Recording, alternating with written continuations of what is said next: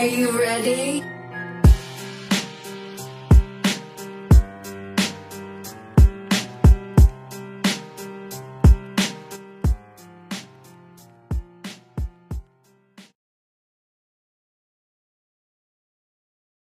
Halo, selamat malam. Balik lagi di podcast ngomongin setan. Masih bareng gue Septian Ahmad dan kali ini ini mau menjelang puasa ya besok mau puasa. Terus sorry nih kalau upload rada telat. Kemarin sempet udah sempet rekaman cuman belum diupload upload. Mungkin agak telat sudah sehari dua hari kali. Selamat menjalankan ibadah puasa buat yang menjalankan, buat yang enggak selamat menikmati suasananya kayak tahun ini agak beda ya. Puasa-puasa rada kurang gitu, rada kurang asik lah karena kita nggak bisa ke mana-mana, nggak bisa bukber, nggak bisa ngumpul, nggak bisa wah macam-macam deh. Kalau di deket rumah gue sih masih rame banget ya, masih anjir nggak ada takut-takut ya bro. Jadi gue nggak ngerti deh tempat deket rumah gue tuh pada mikir apa gitu ya. Semoga lu semua jangan kayak gitulah. Kalau misalkan dihimbau untuk tidak ke mana-mana, tidak keluar-keluar, ya di rumah aja gitu lu cari kegiatan apa kayak segala macem. Jadi sebelum rekaman gue udah nanya tadi di Instagram ya. Gue buka pertanyaan gitu dan ada beberapa pertanyaan yang masuk.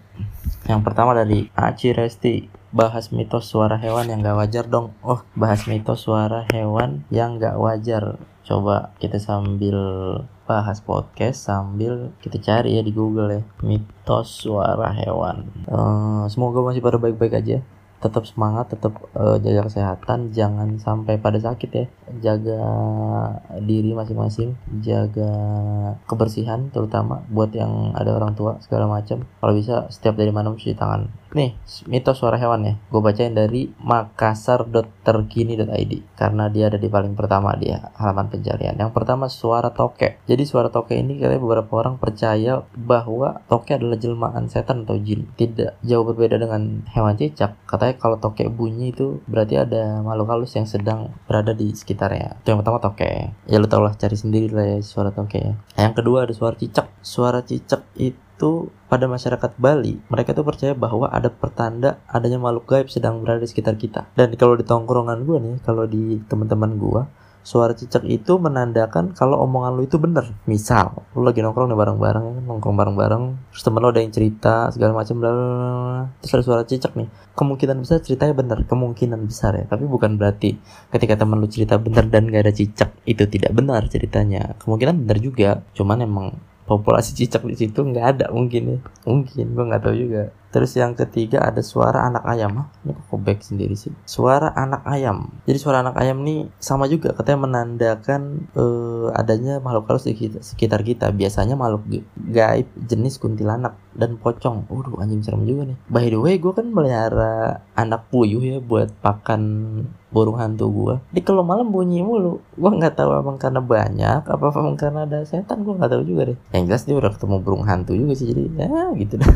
jadi yang percaya anak ayam ada hantu sekitar tuh di masyarakat Banten biasanya gitu. Yang keempat ada suara anjing. Suara anjing juga katanya pada masyarakat Bali itu merupakan mereka percaya suara anjing itu merupakan pertanda bahwa adanya makhluk halus yang sedang melintas. Suara anjing itu sebagai peringatan agar kita selalu waspada katanya. Oh, tapi memang eh gue beberapa kali ngeliat sendiri dengan mata kepala gue ada anjing menggonggong meng- menggonggong menuju atau menunjuk ke satu arah. Yang di situ gak ada apa-apaan. Kayak gue pernah lihat ada anjing di rumah orang nih. Tiba-tiba ngegonggong ngadepnya ke tembok coba. Gue nggak tahu yang dilihat yang dia lihat apa. Nggak mungkin tembok itu ngeledekin dia dong. Sampai anjing itu menggonggong kan nggak mungkin.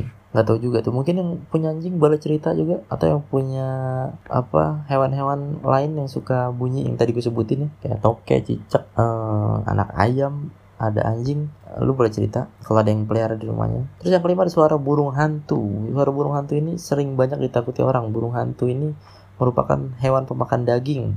Katanya, jika terdengar suara malam hari di rumah Anda, maka sebagian besar masyarakat percaya bahwa ada makhluk halus sekitar Anda. Nah, kalau burung, burung hantu gue bisa relate nih, karena gue melihara kan, ada tiga ekor burung hantu di rumah gue. Jadi yang dua itu udah cukup dewasa, yang satu masih kecil, jadi nggak belum belum bunyi dan kalaupun bunyi kayak cuman serak-serak gimana, gitu-gitu doang. Eh, yang dua ini udah cukup dewasa, yang satu jenisnya Tito Alba, yang satu ada Buffy Fish All. Kalau lu sering lihat burung hantunya limbat, nah itu gue punya satu. Nah yang Tito Alba ini yang lu kalau lihat Dreambird Dreambird itu yang sering dipakai di logo orang-orang itu burung hantu gue ini agak unik. Jadi dia itu termasuk burung hantu yang bawel gitu. Jadi kalau setiap ada orang tuh bunyi terus. Jadi emang bukan karena ada hantu karena dia emang bunyi mulu aja gitu. Nah kecuali yang Buffy. Yang Buffy ini dia emang jarang bersuara. Mungkin kalau dia bersuara gue emang agak jiper juga kali ya. Kalau dia tiba-tiba bersuara malam-malam gitu sih. Terus yang keenam ada suara burung gagak. Suara burung gagak itu katanya adalah pertanda buruk. Jadi misalkan ada serumah gitu ya di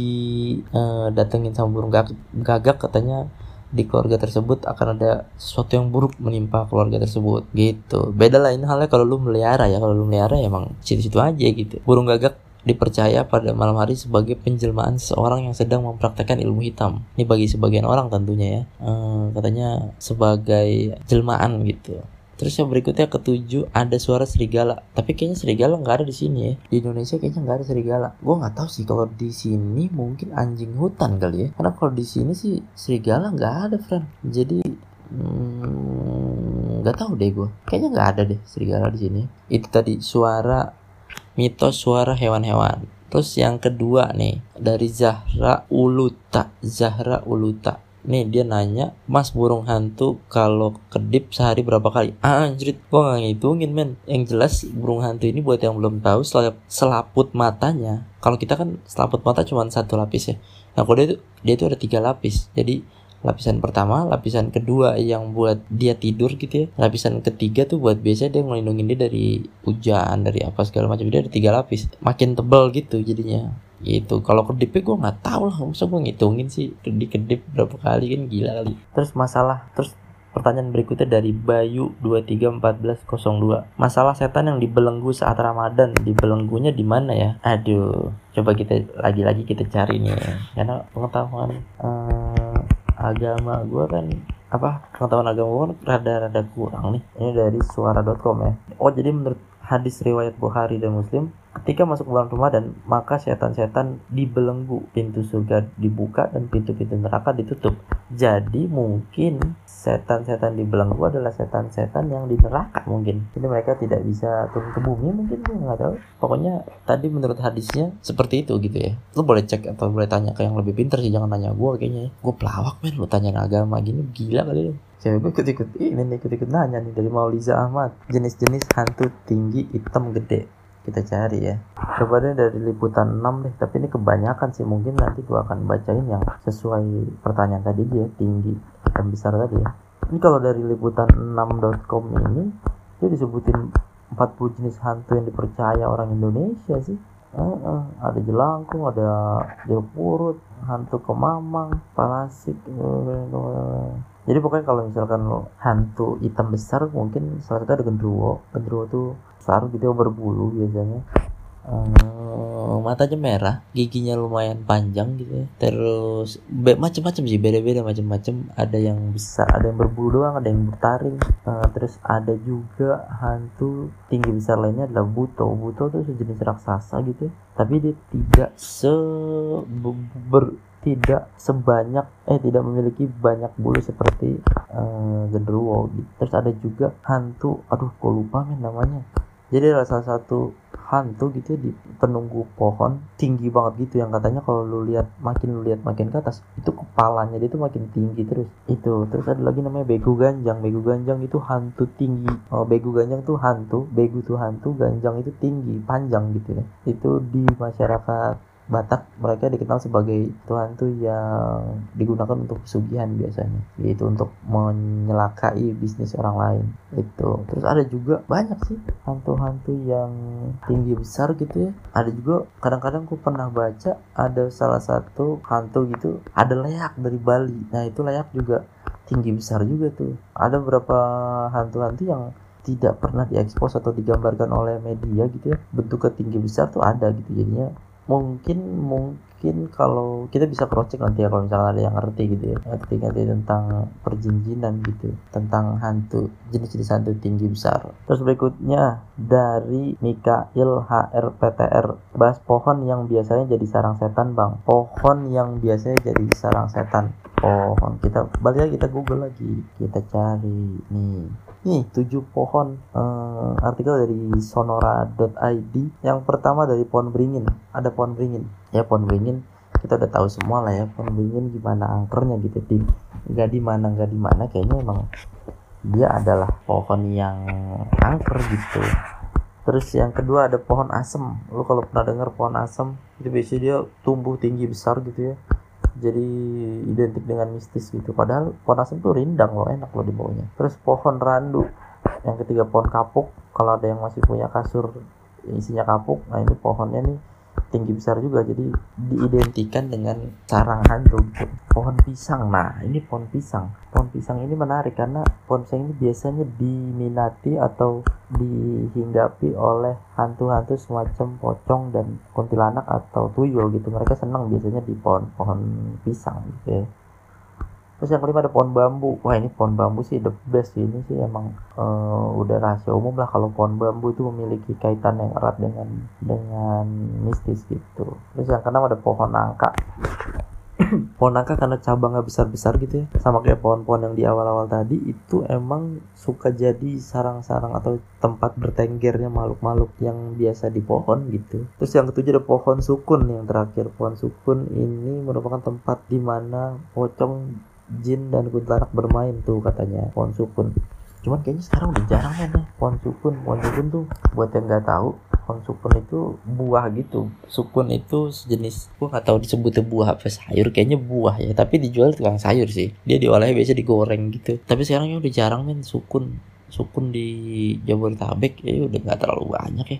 Itu tadi bahas pohon yang ada di yang jadi sarang setan yang terakhir nih pertanyaan um, dari A. Bills Beno nih teman gue nih. Coba bawain topik dengkul cupang sentul. Astaga dengkul cupang sentul tuh apa Beno? Gue nggak tahu anjay. Dengkul cupang ini ini nggak tahu. Dengkul aja dengkul cupang cupangnya nggak ada gila. Iya. Mungkin segitu aja episode pada malam hari ini. Thank you. Oh buat email email akan gue bacain di uh, minggu depan ya berarti kalau ini upload kalau ini teruploadnya agak telat berarti ya pokoknya tungguin aja deh. Mudah-mudahan besok nggak telat lagi ya. Gue usahakan agar tidak telat karena lagi ya gue nggak bisa ke mana-mana juga. Gue nggak bisa nyamperin Andika gue nggak bisa nyamperin Apri gue nggak bisa ya Sahrul biasa Sahrul ke rumah gue cuman lagi kondisi kayak gini gue juga ngeri juga. Jadi ya sabar-sabar dulu lah. Buat lu yang masih pada stay dengerin gue terima kasih banyak ya. Lu boleh dong. Kalau misalkan lu mau DM gue lu mau follow gue tuh boleh banget gitu. Jadi thank you banget buat yang udah dengerin terus buat yang udah nunggu nungguin tiap minggunya. Sorry kalau telat-telat apa segala macam karena memang sekarang udah bener gue sendiri gitu ya, biasa ada teman siaran sekarang udah nggak ada men. Jadi karena corona nih emang brengsek nih emang segitu aja segitu aja uh, ini dari gue pembahasan dari gue malam ini semoga terhibur semoga bisa nemenin aktivitas lu siang-siang ini. Gue nggak tahu sih lu pada kerja apa lu masih pada beraktivitas segala macam semoga lu pada sehat semua jangan lupa buat cuci tangan terus. Jangan sampai lengah gitu lu belum dari mana-mana nggak cuci tangan terus langsung masuk langsung makan apa segala macam jangan sampai. Semoga kita semua tetap dikasih kesehatan sama Allah Subhanahu Wa Taala Semoga kita tetap bisa ibadah dengan maksimal. Selamat menunaikan ibadah puasa sekali lagi. Gue akan tetap upload di bulan puasa dan semoga tidak telat lagi. Sampai jumpa di episode berikutnya. Dadah.